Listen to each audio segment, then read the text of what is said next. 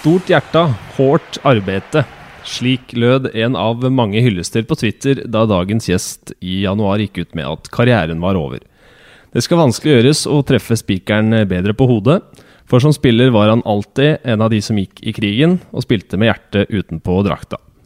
Det har han gjort i både NHL, AHL, SHL og ikke minst for det norske landslaget, som han ledet i fem VM og ett OL som kaptein. Samtidig har han vist at han har et like stort hjerte utenfor isen som ivrig ambassadør for hockey mot kreft og Røde Kors, men også som en god ambassadør for hockeyen gjennom sin jordnære og vennlige væremåte. Ganske kontrastfull, egentlig, til den han var ute på isen. Men eh, det er uansett en stor glede å ønske velkommen til sesongens siste utgave av Hockeyprat og dagens gjest, Ole Kristian Tollefsen. Tusen takk, og for en intro. ja. Det er bare å være ydmyk der. Ja. Du kan jo starte med å spørre, egentlig. Hvordan har du det? Nei, men jeg, jeg har det bra, jeg, ja, altså. Uh, ting går bedre og bedre. Uh, føler at jeg finner ut mer av hvordan hverdagen må være etter jeg fikk den smellen jeg fikk. Og ser tilbake på en karriere og smiler. Det må ha vært altså, tungt at uh, man at karrieren ender på den måten der. Spesielt når dette, liksom det, det utløsende bak det var et uhell på en trening. Jo, så klart. Eh, men jeg har vært klar over at eh, antageligvis en skade setter stopp for karrieren. Det har jeg på en måte vært innforstått med hele tiden. Ja, Du har lagt opp til det selv, Jeg har vel lagt opp litt til det sjøl. Det var jo som Adam Foot sa etter et par matcher jeg spilte i Columbus, at uh, hvis ikke du forandrer spillestilen, så har du ikke mange år. så jeg har hatt den i bakhodet, men uh, så klart, uh, da hadde det heller vært et kne eller en skulder enn hodet, så klart. dette blei jo liksom når det gikk ut med at karrieren var over, så ble det lagt ut lang, et langt intervju på siden til Ferjestad. Um, der sa du sjøl også at man, man, liksom ser fresh ut på, på, utsiden, men det er det på innsiden som teller til i aller høyeste grad. Og liksom, hvordan har hverdagen vært når man sliter med en sånn type skade? Nei, det har vært tøft. Uh, det er ikke noe å legge under teppet, det. Altså, det til tider så har det vært veldig tøft. Uh, men jeg har hatt uh, flinke folk rundt meg, en herlig familie som stiller opp hver dag. Uh, så det, jeg skal ikke legge skjul på at det har vært veldig tøft, selv om man har vært sterk mentalt i hele sin spillekarriere. Men nå er jeg innforstått med at nå er det over, og får på en måte bare se videre framover i livet. og som sagt, bare se på hockeykarrieren som en positiv greie og all den gleden jeg har fått gjennom hockeyen. For de som ikke kjenner historien helt, så var det vel eh, på en trening det her skjedde eh, i februar i fjor. Eh, det var vel noe spill tre mot tre, og så var du litt uoppmerksom og eh, smelte inn i en, eh, inn i en lagkamerat. Eh, et uhell, og sånn er det jo Altså, sånt skjer. Du har jo fått en smell før også. men kjente det Det virka som at det kom veldig sånn gradvis, at du etter hvert ble helt borte. og Klarte ikke å hente unga i barnehagen engang etter treninga? Nei, det var eh, som sagt, det var ikke det var, så, det var, så, rart hele greia. Det var vel egentlig Vi spilte tre mot tre, som du sier, i sonen. Og eh, treneren blåser og jeg svinger til sida, og så kolliderer jeg med en kompis. Eh, trodde jeg hadde fått litt vondt i nakken, trente ferdig. Eh, jeg husker ikke så veldig mye mer enn det. Eh, jeg veit at jeg ringte kona mi hjemmefra og sa at hun fikk hente barna. Hun skjønte vel fort at det var et eller annet. Uh, og de neste ukene her så husker jeg egentlig ikke så veldig mye fra. Det, det er egentlig bare som en blur. Det, jeg prater med folk som jeg treffer, og jeg har vært på arenaen visst og kjørt noen tester og sånn, men det, det, husker jeg ikke veldig mye av. Hvordan er det liksom å tenke på at det er noen uker som er helt svarte? Rart, eh, egentlig, men med tanke på nå, nå har det gått ganske lang tid. Eller spør man leger og eksperter, så har det ikke gått lang tid. Men for meg så har det gått veldig lang tid, så jeg er på en måte mer innforstått med det. At det, sånn var det, og sånn ble det. Og det får ikke gjort veldig mye med det. Og greia, jeg tror jeg har vært mer bitter hvis det hadde vært en stygg takling i en kamp. Ja. For da kunne jeg på en måte lagt skylda på en eller noen. Mm. Eh, sånn ble det jo ikke. Eh, det her var bare fullt ulykke, og alt som kunne gå feil, gikk feil. Eh, de, de svarte hulla jeg, jeg, leste også at du hadde fått en litt sånn slags, en litt sånn morsom forklaring på hvordan det fungerer. Eh, at det var en psykolog som hadde sammenligna dette med å, med å, ha en stein i skoen. Mm. Eh, kanskje litt verre, men allikevel en ganske sånn beskrivende metafor. da. Jo, men det er det faktisk. Det, akkurat, akkurat, det han sa, det, han jobber på Olympiatoppen, det han sa der, det, det passa egentlig perfekt. Fordi jeg gikk rundt og liksom alle folk sa ja, men du ser jo fresh ut. Ja, jeg gjør det, men jeg føler meg helt jævlig. Men det gidder man jo ikke gå rundt og si. Eh, og folk rundt deg forstår kanskje ikke hvorfor det er så grinete, og kanskje ikke sier så mye, og kanskje blir litt fortere sint enn det man har blitt før. Eh, og en annen sa da ja, men be en kompis da, ta en stein i skoen hele dagen, og se hvordan han føler seg på slutten av dagen. Han tror ikke han smiler så mye da. Ikke sant? Så det blir jo litt sånn at man, ja, men får man satt ord på det, så hjelper det ganske mye. altså. Ja. Og husker Ville ikke tenkt på noe annet uh, enn den steinen i skoen hele dagen heller? Nei, men det klarer man jo ikke. Uh, jeg skjønte, eller jeg forsto ikke hvorfor husker jeg ikke ting som kona mi sa til meg for fem minutter siden. Uh, men når hjernen går og surrer så mye som han har gjort, og det har jeg lært meg også, hvordan ting fungerer. det er ganske komplisert, så det, det, blir, det blir litt lettere da, når man klarer å sette ord på det. Altså, En sånn situasjon det må jo uansett bli en litt sånn tålmodighetsprøve for for familielivet når du ikke klarer å fungere optimalt hjemme? Jo, eh, det gjør det. Eh, det er jo Hva skal man si? Ja? Det er jo egentlig bare å hylle de som er rundt seg. Uh, hvor sterke dem har vært. Jeg har på en måte vært i min egen boble og skjønner ikke hvorfor at barn, skjønner ikke barn at de ikke kan bråke. Ikke, sånne ting. Og det, man blir så inni seg sjøl. Mm. Altså, du tenker ikke ut i det hele tatt. Uh, så det dem har vært igjennom, at jeg ligger og sover hele tida. Jeg sov vel egentlig bare hele sommer, tror jeg. Jeg gjorde egentlig ikke så spesielt mye annet. Eh, da, men nå begynner det å bli bedre. Nå er jeg mer med barna og kan gjøre hverdagslige ting. Ja. Så, det, så nå lyset i tunnelen er der, så det kommer bare til å bli bra, der. Merker, merker du noe til det sånn Altså, Hvis du leker litt med barna og det er litt mye lyd og støy, blir du litt satt ut seinere, eller? Jo, det blir man. Jeg legger jo opp eh, dagene etter eh, et skjema, da. Mm. Uh, F.eks. skal jeg prøve å trene litt lett rehab, eller et eller annet sånt, så må jeg hjem og sove etterpå. Når jeg sitter her med deg nå, så har jeg planlagt at nå skal jeg sove en time etter du har reist. Ja. så, så, det blir liksom Men etter en stund, da, i starten så er det vanskelig. Men etter en stund så har man fått så mye verktøy da, i kassa at du, du, du veit hva som skal til for at du fungerer best mulig. Og det som er viktigst, er jo at det fungerer hjemme.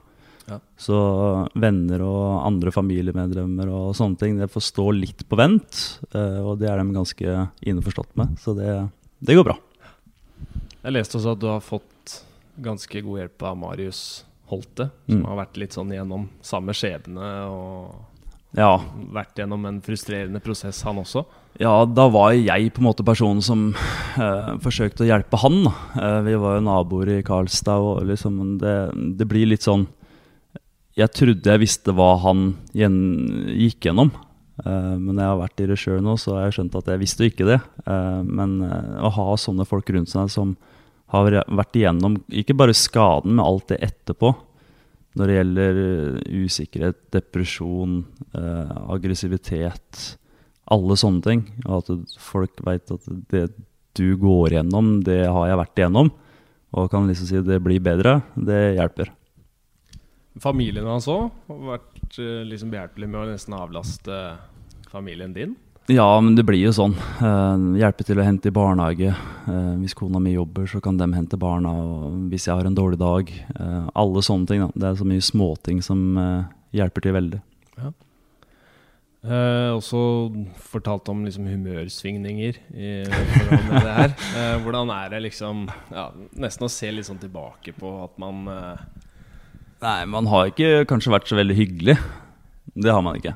Uh, det er vel mer at man uh, uh, Som sagt, som jeg sa i stad, man er i en boble. Man ser ikke lenger enn fem centimeter utenfor nesa. Altså. Det, man unner ingen å være i en sånn posisjon, og iallfall ikke folka rundt en.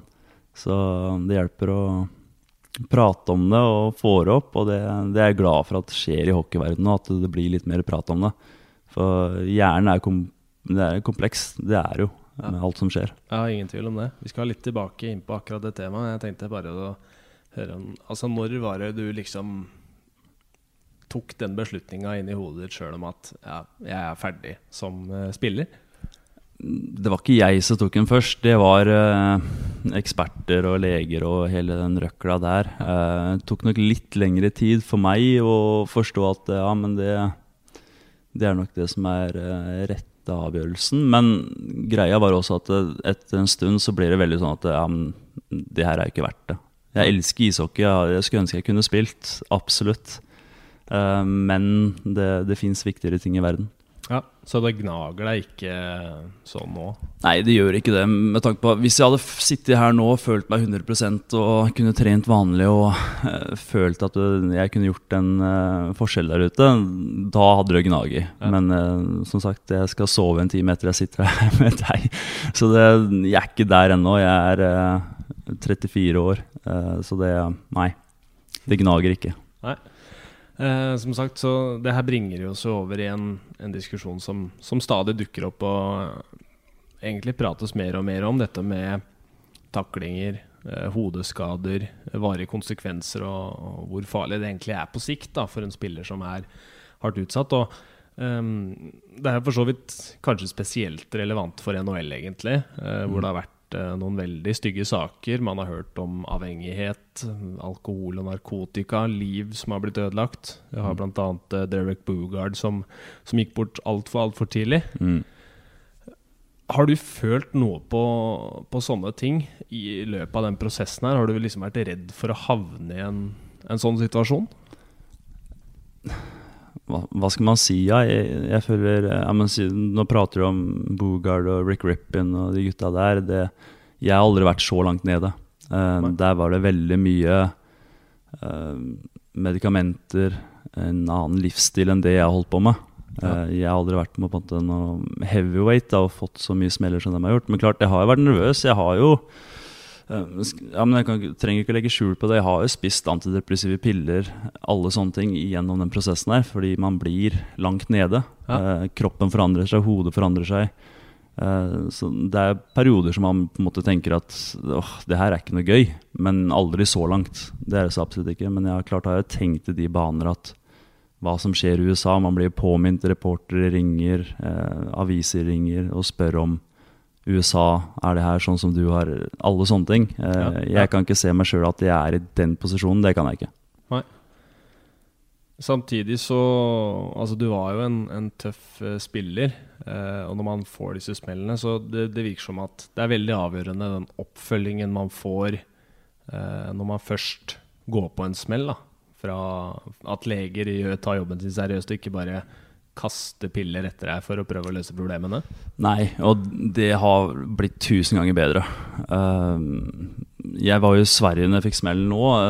liksom Det teamet rundt der nå, Dessverre så har jo færreste hatt flere spillere som måtte legge opp pga. hjernerystelser. Eh, så de er jo på en måte erfarne i hele det gamet. At du eh, trenger hjelp litt tidligere enn man tror sjøl. Ja. Det er liksom rart å si det, men man ser det ikke helt selv. Da, at okay, du trenger å prate med psykolog, du trenger å treffe en neurokirurg. Eh, alle de tinga der. Og når man først får den hjelpa, så er det veldig bra. Og det er de flinke på, Sverre. Eh, siden vi flytta oss over til Nord-Amerika, så kan vi for så vidt bare holde oss der. Um, Der var det gøy. ja, der var det show. Ja, men herregud. Det er litt av et land. Ja.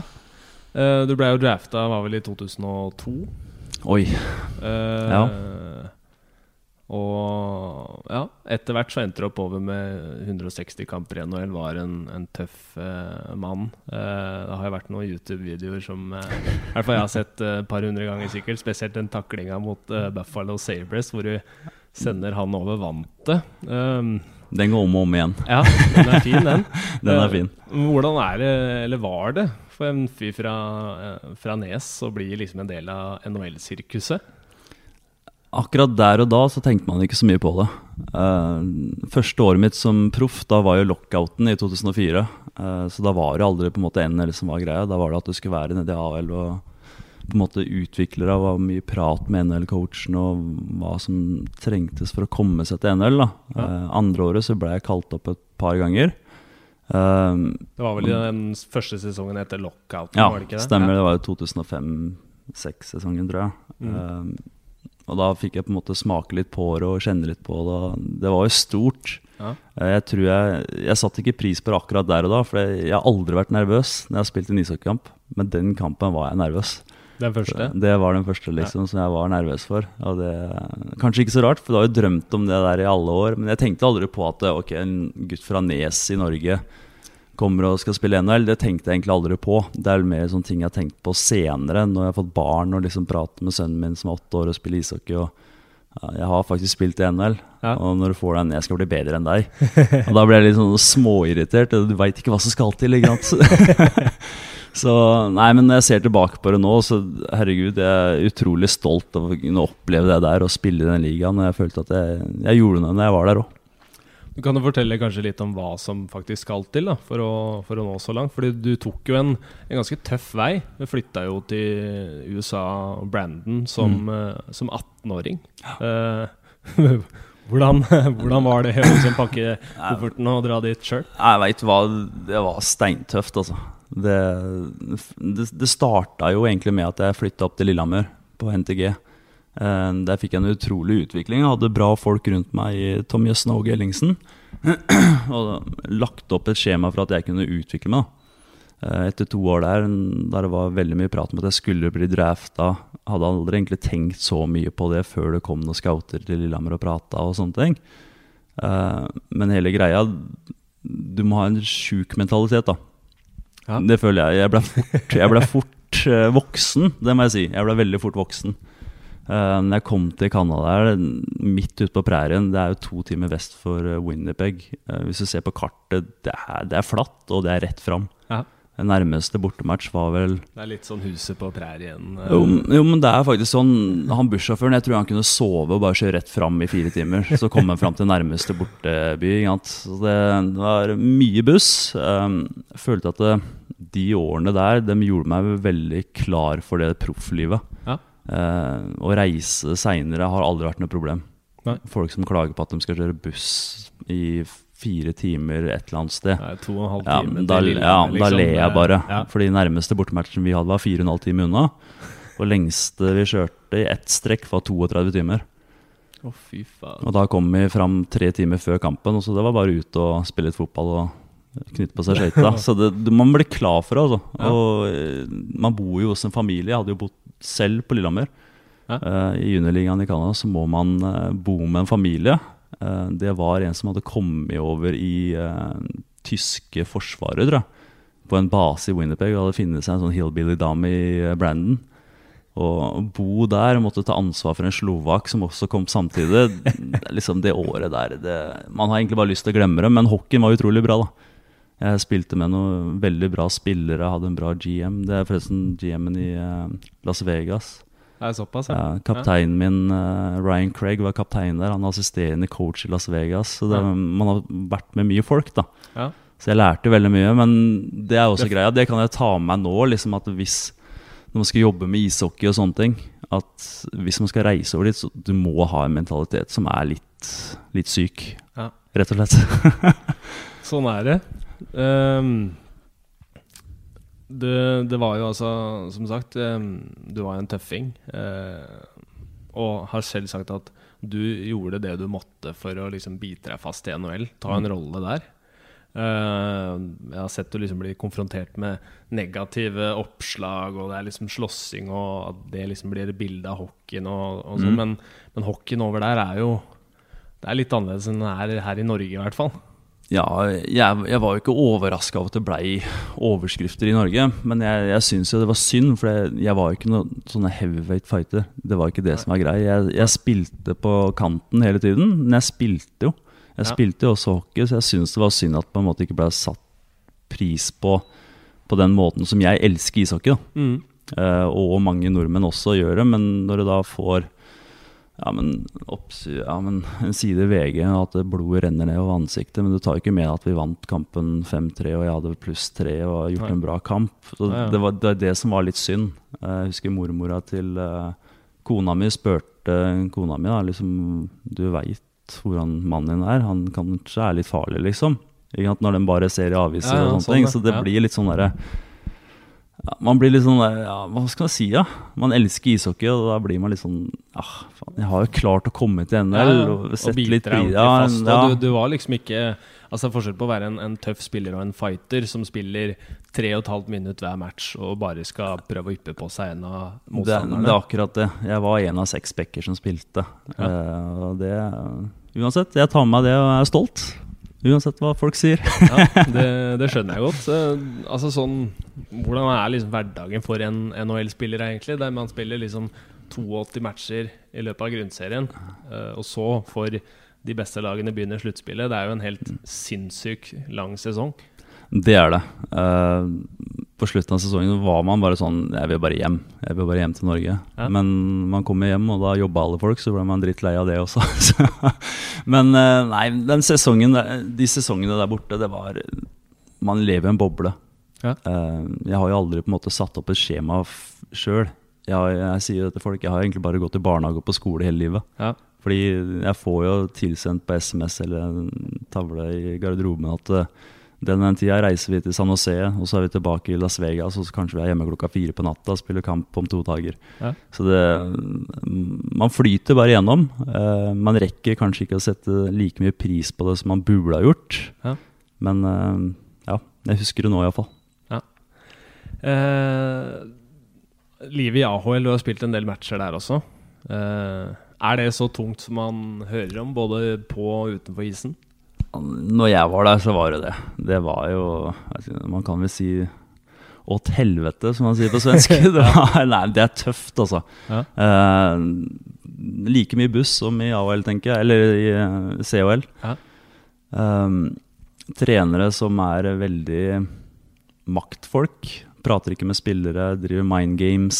eh, alle de tinga der. Eh, veldig usikker på om det er du som blir kalt opp neste gang, om du veit at det er blitt en skade. Eh, så veldig mye usikkerhet, da. Eh, men eh, dog, det, det er jo en av verdens beste ligaer, det også. Veldig mye bra Ja, ja. hockeyspillere. Lærer veldig mye bra. Bra trenere på isen. Ja. Så tøft, men gøy. De coachene, det, det høres jo ut som i hvert fall de du var borti, at det er liksom gamleskolen. Nesten sånn Sovjet-typen. Og det har jo blitt bedre nå, det Ja, vet jeg jo. Men akkurat der og da så var i den tøffe garden. Men er det akkurat som for trenere som for spillere? Altså i AHL, er det liksom en stepping stone for, eh, for NHL, eller? eh? Det er nok veldig mye eh, press på trenere av AHL. Ja. Eh, de får jo drafta spillere som er prospects, som de skal forsøke å lage NHL-spillere av. Mm. Eh, de veit jo at ok, ødelegger de for dem, så har jo de mista jobben, dem òg. Det er ikke like mye press på resultater, da, sånn Nei. som i NHL og andre ligaer. Ah, okay. Eh, det er jo litt mer at det, det er, ja, men det er jo en farm-liga. I navnet seg selv sier jo det meste. At man Ja. skal forsøke å gro opp spillere. Og eh, det klarer de jo. Men eh, å reise over fra Europa til AL, det er ikke alltid like bra. Mm. Uh, man kan like å spille i svenskeligaen, finskeligaen eller andre steder og bli like bra når de kommer til NL. Eh, jeg må bare spørre om en ting også, før vi går videre. Hvor mange ganger har du brekt nesa? Å, herregud. det Første gangen var når jeg spilte basket på ungdomsskolen. Og etter det så husker jeg ikke hvor mange. Den er skeiv nok. Det er folk som spør meg nå når du har lagt opp, skal du fikse nesa. Jeg har fiksa Er det noe å fikse? Ja, men det, Jeg tror ikke det er så mye å fikse lenger. Altså. Det, jeg har gjort det et par ganger, og det, det gjør så vondt. så Jeg vet ikke. Jeg, jeg har ikke problemer med å puste, så da lar jeg det være. Ja, jeg Det får være en del av sjarmen min. Jeg syner den. Før vi mm, beveger oss over tilbake til Europa, så kan jeg for så vidt gi et lite tips til de som har lyst til å se noen videoer på YouTube. Og hvis du søker på Ole Christian Tollefsen og Jason Blake, så får du se en eh, ganske så ålreit um, open eyes-takling der av uh, den godeste tidligere landslagskapteinen. Uh, som i var vel i 2010 fløy over dammen igjen og um, signerte for eh, Modo. Ja, Det er stemmer. er lagkamerat med Det var jo en hel haug med nordmenn der. Bondesaksen, eh, Mathias Trygg, Sondre Olden, Skrøder og Christian Forsberg.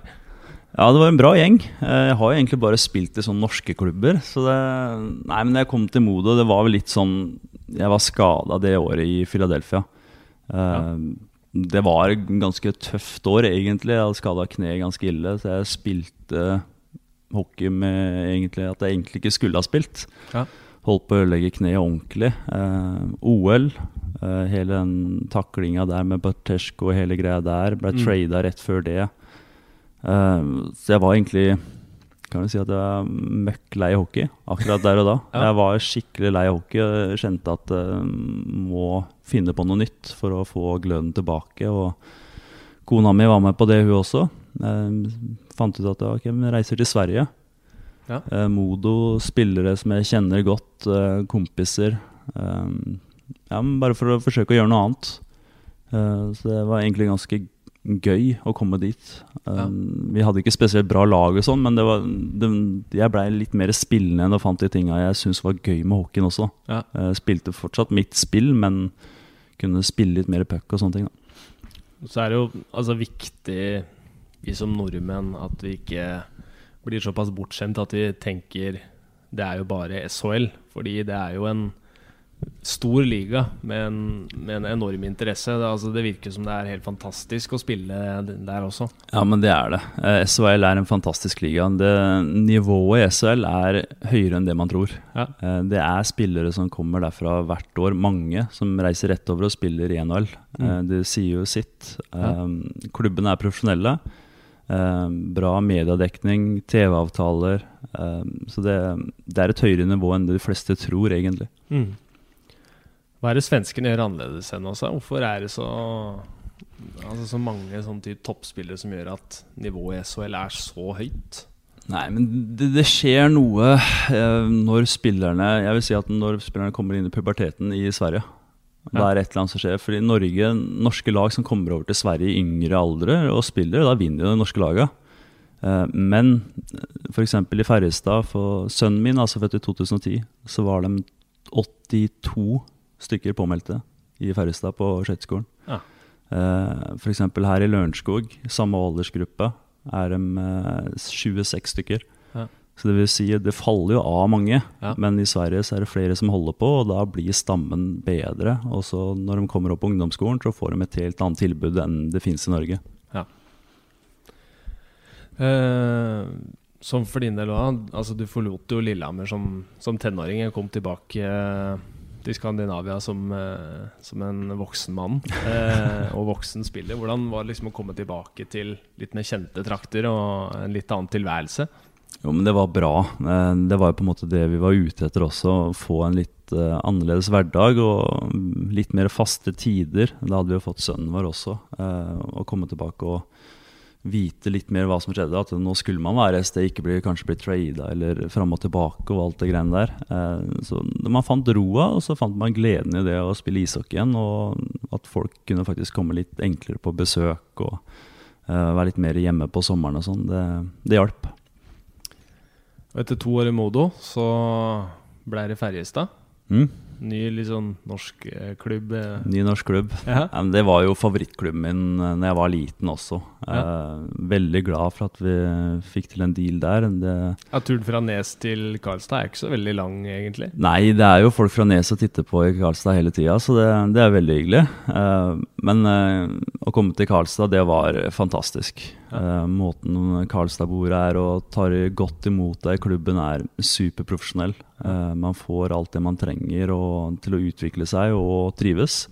Eh, veldig bra å bo der med familien også, så det er ikke noen andre ord enn å si at det er en fantastisk by og fanta et fantastisk lag. Da. Ja, Det virker liksom som om Karlstad er kanskje det stedet som gjennom karrieren din ble skikkelig hjemme, da. Ja, jo, men det var det. Jeg, spilte der i fem og et halvt år. Jeg hadde jo egentlig ja, den sesongen som var nå, og en sesong til på kontrakta.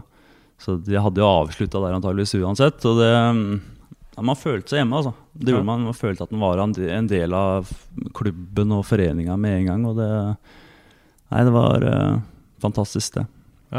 Eh, lite å si på interessen for hockey i byen der òg. Nei, den er eh, Man blør jo og svetter og gråter og ler med hockeyen i den byen her hele tida, så det er, det er gøy. Eh, Det er sånn man, ting som man savner å se i Norge.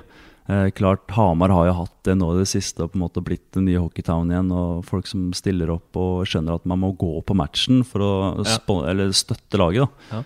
Eh, så det Nei, hockeyen i Karlstad, det er størst. Uh, hva er det beste med å spille i Ferjestad? Er det nettopp det vi var inne på nå, eller er det noe Det er vel, For meg så var det forventning at du skulle vinne uansett. Ja. Uh, når det kom dit, så var det en helt annen mentalitet. At nei, men Du forventa at du skulle gå til sluttspill, du skulle gå til finalen. Det, man hadde nesten budsjettert med at du skal i hvert fall gå til semifinalen. Det er Ja. ikke alle lag som kan gjøre. Ja. Uh, så det Nei, man ble satt i en posisjon til å vinne hvert år. Eh, hvis de ikke hadde bra nok spillere, så henta de inn spillere og gjorde at du hadde muligheten til å vinne. da Eh, når du Når du først eh, la opp, så Så kom det veldig godt fram den statusen du har i byen her også. Veldig mye reaksjoner. Eh, tenkte å liksom høre hvordan liksom du rangerer det i karrieren din, den, den statusen som du har fått i Karlstad, det du har gjort der, da. Jeg vil nok si at den sitter høyt oppe. Eh, Det gjør det måten Man tenker ikke så mye på det akkurat der og da. Man blir jo kjent med sponsorer og folk, og man prater jo med folk på gata. Jeg syns det er veldig hyggelig å prate ishockey. Ja. Eh, Men, eh, ja, men det å på en måte kunne stille opp på landslaget og på en måte nådd målet å spille NHL, det er liksom de topp tre i karrieren. Og altså returen fra, fra Nord-Amerika Det sørga jo også for at du fikk litt tettere bånd til det norske landslaget. Det var litt enklere å melde seg på i, til VM og, og sånne ting. Jo, men det var det. Også at kroppen holdt mer også. Ja. I USA så var vel, jeg måtte vel takke nei til VM fire år på rad tror jeg, Ja. på grunn av skader. At jeg måtte operere etter sesongen. Da, da skjønner du også at hvor mye det har gått ut over kroppen å spille der borte med det kampskjemaet og den, min spillestil. Ja. Uh, så jeg syns det var også veldig givende å komme hjem og kunne representere Norge. Det har jeg alltid satt veldig høyt. VM i 2011, kanskje noe av det morsomste man har vært med på, i hvert fall som landslagsspiller. Det åpner med seier mot Sverige. Det, Ja, det var helt sinnssykt. Ja. Ja, det var så morsomt. Det kommer ned til en, det var Ostrava, var det ikke det i Slovakia der, i den gruppa vi spilte. Ja. Det, det var Nei, det, det var noe for seg sjøl. Den der stemninga etter at Haugen redda en straffa og liksom vi bare fløyt gjennom det VM-et og kom oss til Bratislava. Det var eh, Nei, det, akkurat den turneringa der, det, det var gøy, altså. Ja. Hvordan var det i garderoben eh, etter den, eh, etter den Sverige-kampen? Det må jo ha vært eh, Nei, Det var så mye skriking og hoiing. Det var som at vi hadde vunnet VM-gull. Men det var jo første kampen, så vi visste at vi måtte Ja, vinne flere kamper. Men uh, når du slår Sverige, da veit du at eh, altså, når du spiller mot svenske spillere og har svenske kompiser, at du kan stikke den i sida på dem, det, det sitter langt inne. altså. Ja. Deilig for en nordmann å få liksom ha noe sånt å, å Ja, Det er ikke, det er ikke alle som kan slå i bordet med det, altså. Du har jo også um, hatt æren av å spille i OL. Mm? Uh, hvordan er det som, eh, som spiller? Hvordan er liksom å være med på de olympiske lekene? Man er jo litt mer avslappa når man kommer til et OL. Ja. Uh, forventningene er ikke så høye med tanke på at du møter fantastiske nasjoner uh, som har med seg som regel de beste spillere. Ja. Og da kunne du si at man har vært eh, two-time Olympian, som man sier i USA. Det, det er jo stort. Ja. Uh, det er å Jeg husker OL i Vancouver, hockeyens hjemland, på en måte. Det, det er jo stort. Og i Russland også, hele greia der. Men der var det litt mer at man var litt isolert fra alt og alle. Ja. Men uh, det er jo sånne ting man tar med seg når man har lagt opp og tenker tilbake. Vi er vel såpass bortskjemte med gull og medaljer i vinter-OL-sammenheng her i landet at det er liksom Man anser ikke det å liksom være en eh, olympian, da, som du sier sjøl. Ja. Så altså det blir, Man blir litt bortskjemt, da. Man blir litt bortskjemt, det blir man. Jeg, jeg forstår jo at det ikke blir noe spesielt blest rundt hockeyen under et OL, det forstår jeg. Men jeg, jeg veit at folk som liker hockey i Norge, dem forstår jo det. Når vi, Mm. ja, men når vi vant på Jordal nå sist, Ja, ja, liksom siste akkurat. landskampen på Jordal, liksom, fullsatt på Jordal, det er ingenting som slår det. Nei. Og at du klarer å komme deg til et OL som er stort i seg selv.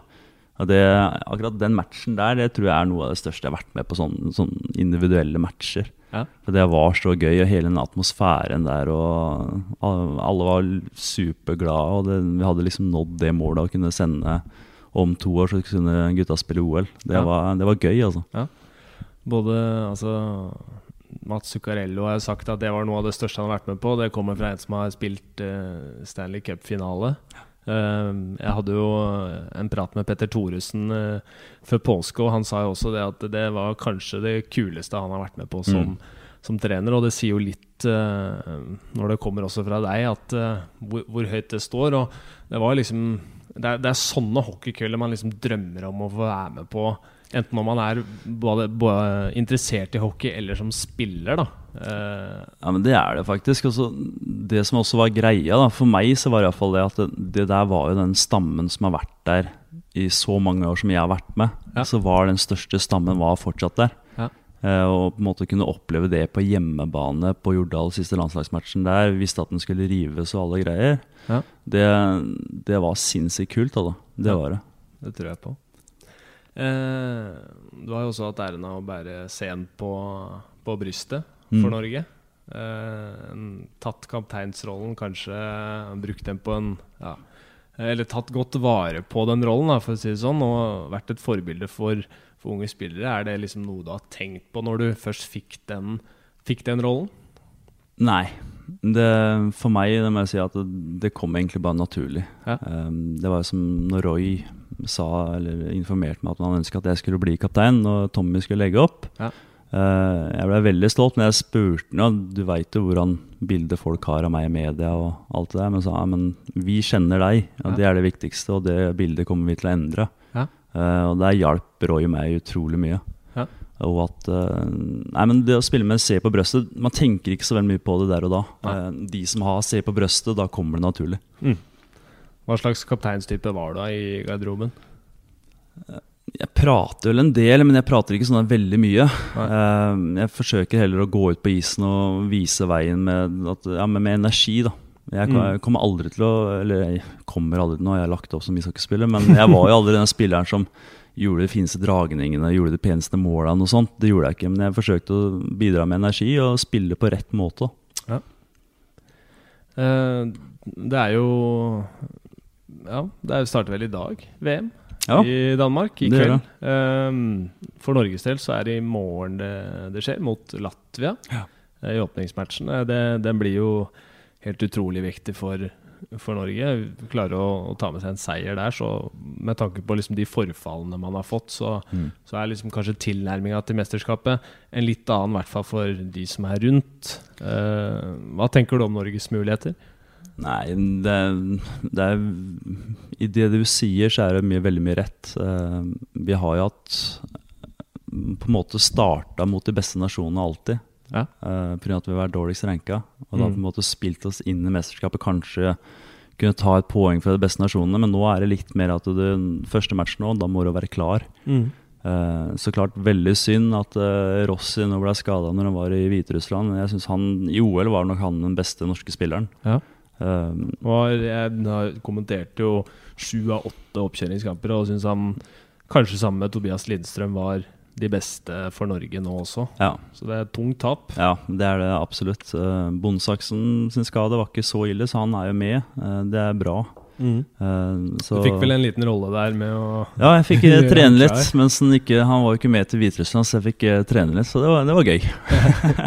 Sett på den versjonen også. Ja. Nei, men jeg tror det, det er det viktige mesterskapet å f f liksom på en måte holde energien positiv i starten. Uh, Latvia-matchen er veldig viktig, og så blir det den siste matchen da, mot uh, Sør-Korea, som er ja, alt.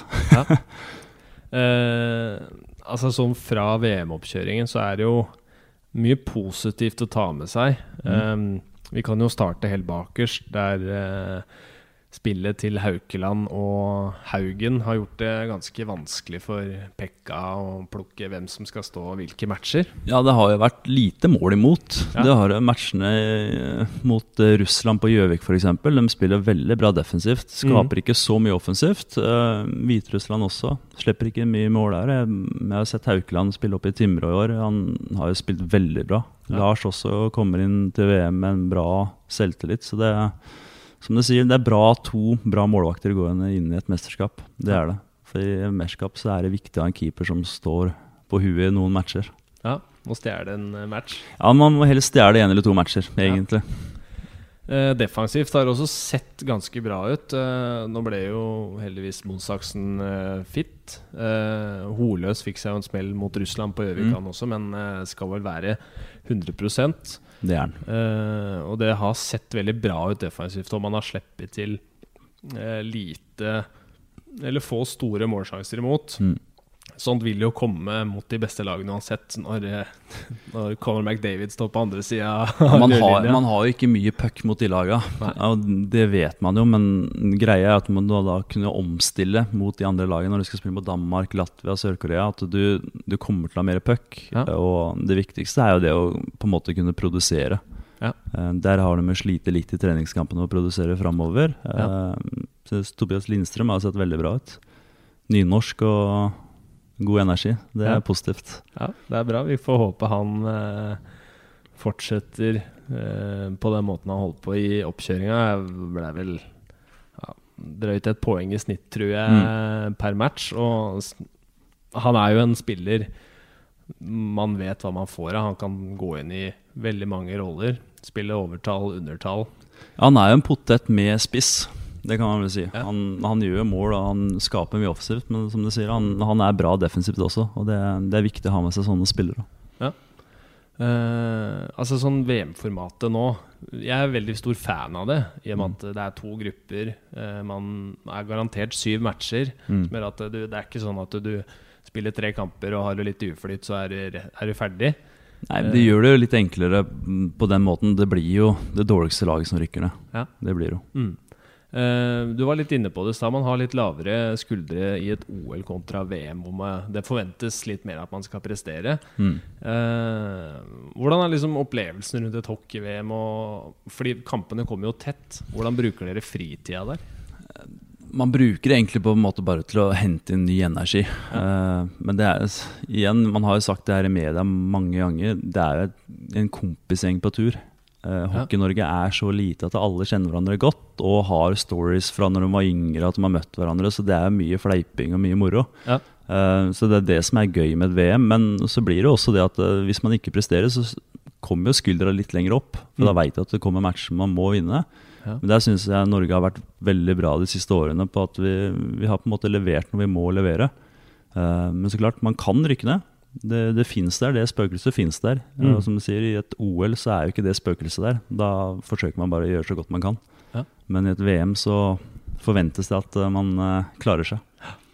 Vi får håpe de gjør det. Kanskje også klarer å overraske litt, får man vel si. Det er jo Men det er det som er greia. Når Ja. folk sier bare negative ting, at de ikke har de og de spillere med, så Ja. plutselig så er de med en kvartfinale.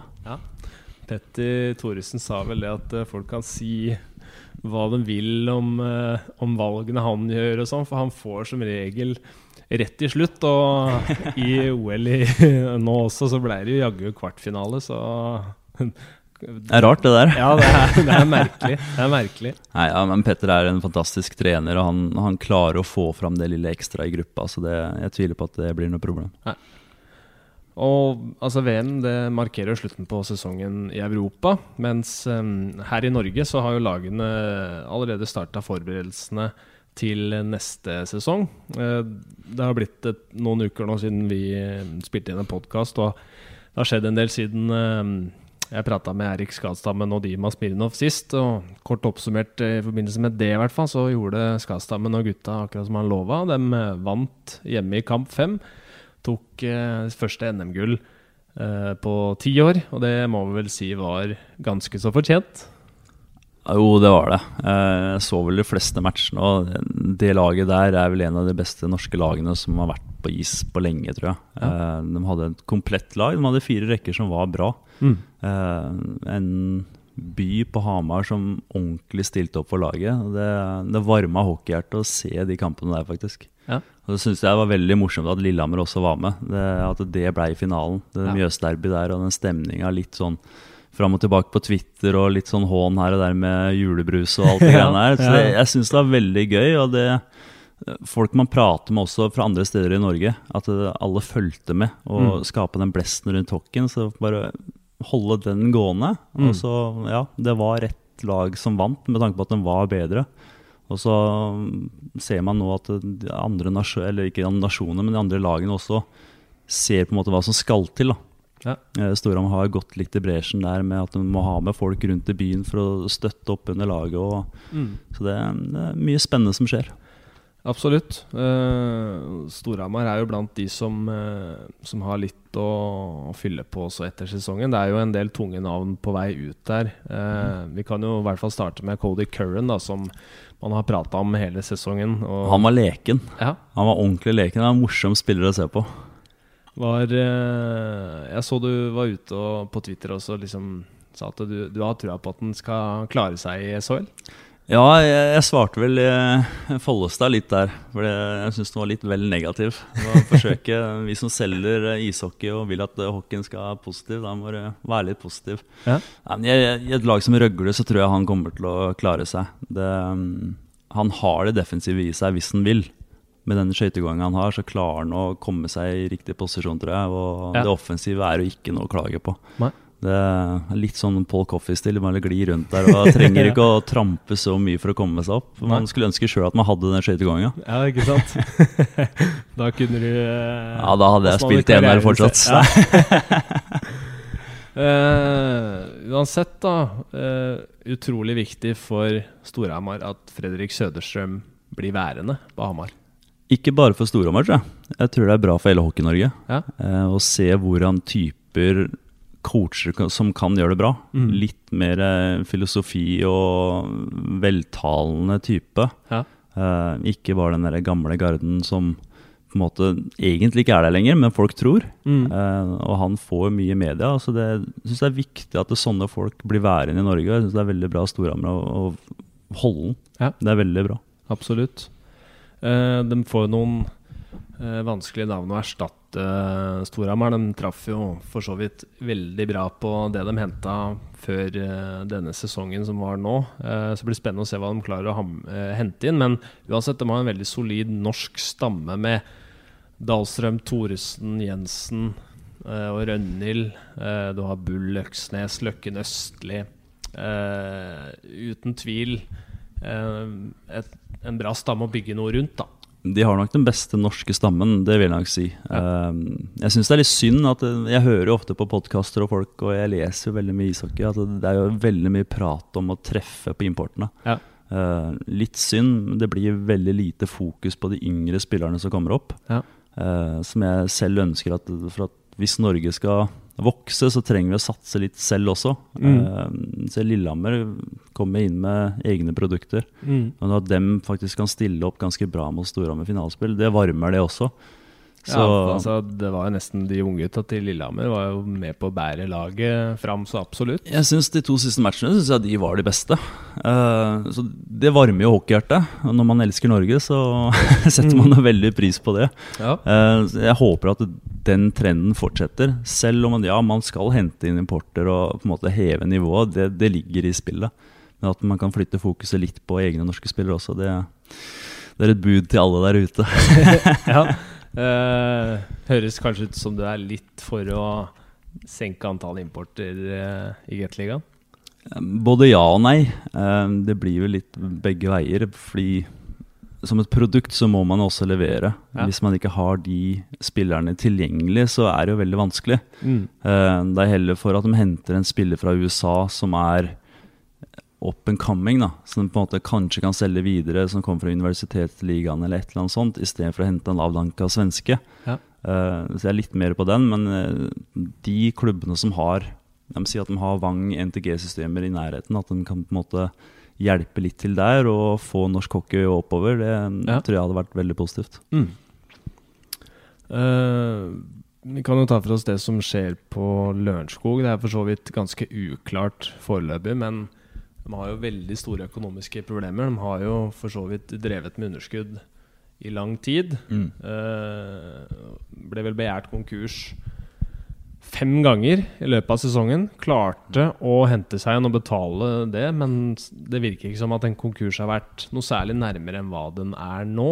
Eh, det har vært eh, noen supportere som har dratt i gang en innsamling, fått inn rundt 300 000, og det er bare å ta seg hatten for det dem gjør. Og vi har sett lignende aksjoner rundt flere klubber opp gjennom åra. Eh, samtidig så har der, eh, en av styremedlemmene gått ut selv og sagt til VG at det ser eh, ganske mørkt ut. Og det ville jo vært synd at eh, Lørenskog ikke får lisens.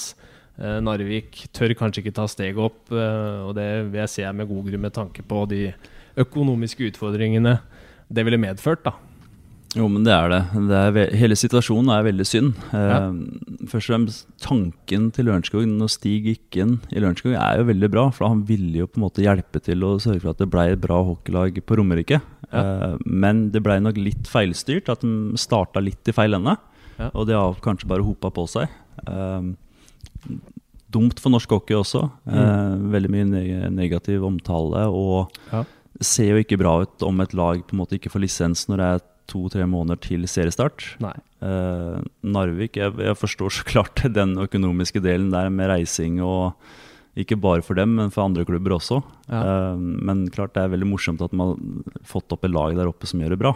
Ja. Eh, det setter man jo pris på. Mm. Men eh, så klart hele, hele situasjonen syns jeg var synd. Det, man skulle ønske at man hadde drevet litt bedre med de midlene man har hatt i så mange år. At man kunne starta ja, starta i riktig ende, så tror jeg det hadde sett bedre ut nå. Ja. Vi får se hva som skjer. Og en annen ting som eh, ja, vi kanskje får svar på mens vi sitter her og prater. Jeg prøvde å sjekke Twitter her nå, jeg har ikke sett noe komme, komme ut. Men eh, Stavanger Oilers skulle jo presentere ny trener i dag. Det blir jo veldig spennende å se hvem eh, det blir. Det virker som om de har holdt eh, korta ganske tett inntil brystet i den prosessen. Eh, så vi får heller ta for oss litt av det vi vet. da At de har henta over eh, Vigier, Morley og eh, Ulriksen fra Lillehammer. Ganske solid trio å få med seg det. Money talks. Ja, ja ikke sant? Det blir jo litt sånn når sånne spillere flytter i, ja, i en liga, da, mellom lag i en liga. Så. Ja. Men så klart, det, det er tre bra spillere som kommer til å gjøre det bra i Stavanger. Og Stavanger er nok sugne på å komme tilbake på hesten og gjøre det bra. Ja. Eh, det er jo en klubb som står all respekt for, fordi de har gjort veldig mye bra over en lengre tid nå. Mm. ryktene sier vel at det er Hurras som kommer til å bli trener der, men det blir spennende å se. Det blir spennende å se om de tør å gå den veien. Ja, Hva det, tror du om det? eh, Med han, det, det er et tøft valg av Higsen om det, om det er det det blir. Ja. uh, med tanke på hvor han eh, Ja, det har vært for han de siste årene i Modo rundt om i Europa. Så det, det blir spennende å se. Ja. Uh, et annet sted altså det, det er jo også klart at Sunne Bergman ikke fortsetter som frisk asketrener. De har ikke presentert noe nytt. Eh, men det vi uansett vet eh, Anders Jøse, som går inn som assistent for Sjur Robert Nilsen i Sarpsborg. Og det må jo kunne sies å være kult at eh, en fremadstormende nordmann får, kommer seg opp i Gateligaen Eller på trenersiden. Jeg syns det er veldig bra. For norsk hockey så er det veldig, veldig positivt. Vi, vi trenger flere trenere som er interesserte. Jeg kjenner Jøse veldig godt selv. Jeg gikk jo på NTG med han. Ja. Eh, veldig bra type. Lever og puster hockey. Han eh, er veldig interessert. Jeg, jeg tipper vi kommer til å se han som en headcoach om ikke så altfor lenge. Ja. Og det er, det er ikke mye prat om Tangnes heller, som er nede i Zug nå, i Ja. sveitsiske Ja, ja, ligaen. det- det, det er også veldig stort. Så det, det skjer ting i norsk hockey. Ja. Det får, dere får prate mye om det. det, det var eh, noen som hadde et lite håp, eh, kanskje trodde litt også at Tangnes ble å se i Norge, men eh, der hvor han havna, altså i, i Sveits, det sier jo kanskje litt om han som trener, den kunnskapen han har. Han er en fantastisk trener. Han hadde ikke sagt opp i Linköping for å gå til Stavanger. Det må jeg være ærlig og si. Altså, altså folk som trodde det, det, det er å tro litt på julenissen, tror jeg.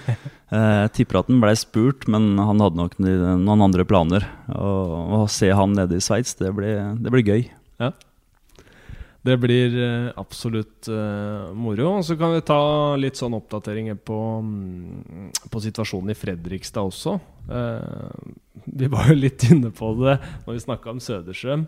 Uh, den gamle garden på trenersiden, og en som har kommet inn i Fredrikstad, Bengt Åke. Bengan, ja. Ja. Det blir spennende å se hvordan det fungerer. Det blir veldig spennende. Han er jo en herlig type. Ja. Det er han jo. Han, han kan hockey. Han lever jo hockey, og det um, Jeg tror det er bra for Stjerne å få en, en som har litt pondus, eh, som folk kan høre litt på. Han har sett organisasjoner på alle mulige nivåer. eh, med tanke på at det skal bygges ny ishall der nede og hele den greia der, så blir det spennende å se Stjernen framover. Jeg håper at de kommer til å lykkes, fordi der nede så liker de hockey. Dem Det er, ikke bare, ja. det er ikke bare i Sarp de liker hockey, det er jo i Fredrikstad òg. Så det, jeg håper at de kommer til å vokse litt nå framover. Men hvordan tror du Gustavsson uh, håndterer et lag og en tropp som Stjernen uh, kommer til å ha, med, med mange unge norske eh, gutter? Altså han, for han, har jo, han er veldig profilert trener og uh, kan slå i bordet med bl.a. et eh, olympisk gull som trener for tre kroner. Mm. Ikke mange som matcher den av eh, de som er coach i Gateligaen. Samtidig så har han vel vært coach for lag som er veldig sånn seniorprega. Han er nok vant til lag som er etablerte, Ja. som har en stamme som er bra. Ja. Um, som du sier, Kors har tre kroner. Han trenger jo ikke utvikle spillere som kommer dit. Nei. Det er på en måte bare veileder dem, sammen og og- det er sånn her skal vi gjøre det. Ja. Uh, så det blir spennende å se hvor mye han har fulgt med i utviklinga av hockeyen. Mm. Uh, hockeyen har jo forandra seg de siste årene med tanke på eksplosiviteten, farta, alt det som skjer i hockeyen akkurat nå. Så det blir spennende å se om han har fulgt med der, og om han kommer til å på en måte groome de spillerne som er yngre der. Mm.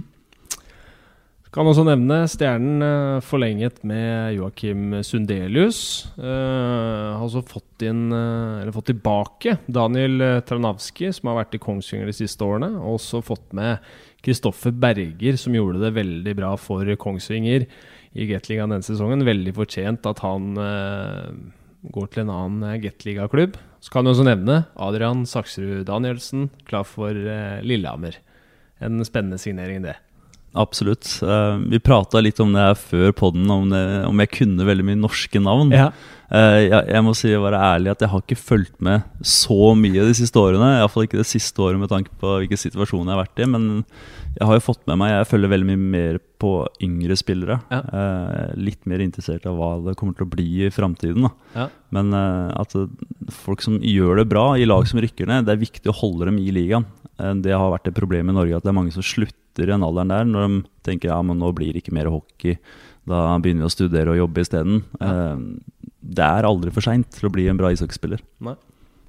Eh, tenkte jeg skulle høre mer om sånn avslutningsvis her òg. Eh, for din del, hadde du lyst til å avslutte karrieren som spiller i Norge? Jeg har sagt egentlig hele tida at det kommer nok ikke til å skje. Eh, jeg ville avslutte på høyest mulig nivå. Ja. Eh, men jeg får jo på en måte ikke svar på det nå. Nei. Men jeg tror jeg på en måte hadde avslutta på høyest mulig nivå. Og ikke spilt bare for at jeg følte at jeg måtte spille, eller at jeg ville spille og ikke er god nok. Nei, riktig. Uh, har du i det hele tatt fått muligheten til å tenke noe på hva fremtiden eh, kommer til å bringe, eller har det vært nok med å få huet til å fungere? Det har vært nok med å få hodet til å fungere, det er det, men nå så har det vært bedre en periode. Og tankene går til at jeg vil jobbe med ishockey, og får hørt meg litt rundt. Så får vi se om jeg dukker opp i noe hockey rundt i Norge. Ja, du sa at du følger med på litt uh, mer på unge norske spillere enn mer etablerte. Eh, har du liksom Tenker du at du kunne tenke deg å jobbe litt med utvikling? Jo, men det er jo det jeg har lyst til. Det har jeg egentlig tenkt hele karrieren siden jeg var på NTG også. Fordi Mm. det NTG-systemet ga meg, det har gitt meg muligheten til å være den jeg er i dag. Ja. Uh, hvor viktig den utviklingsdelen her. Ikke bare å skape ishockeyspillere, men mennesker også. Ja. Og få folk til å oppføre seg. Ja. Eh, hele den greia der syns jeg er veldig spennende, og det, det er nok det som gir meg mest. Mm. Så tankene går dit. Det blir spennende å se. Så får vi i hvert fall håpe at du blir kvitt eh, det siste av plagene ganske snart. Det gjør jeg, vet du. Så må jeg si hjertelig takk, eh, Ole Kristian, for at du tok deg tid eh, til å bli med her. Og tusen takk for at jeg fikk være med. Det Ja. synes jeg er veldig morsomt at dere har en podkast og selger hockey i Norge. Det er viktig, så det setter jeg pris på. Så takk for meg. Det er godt å høre.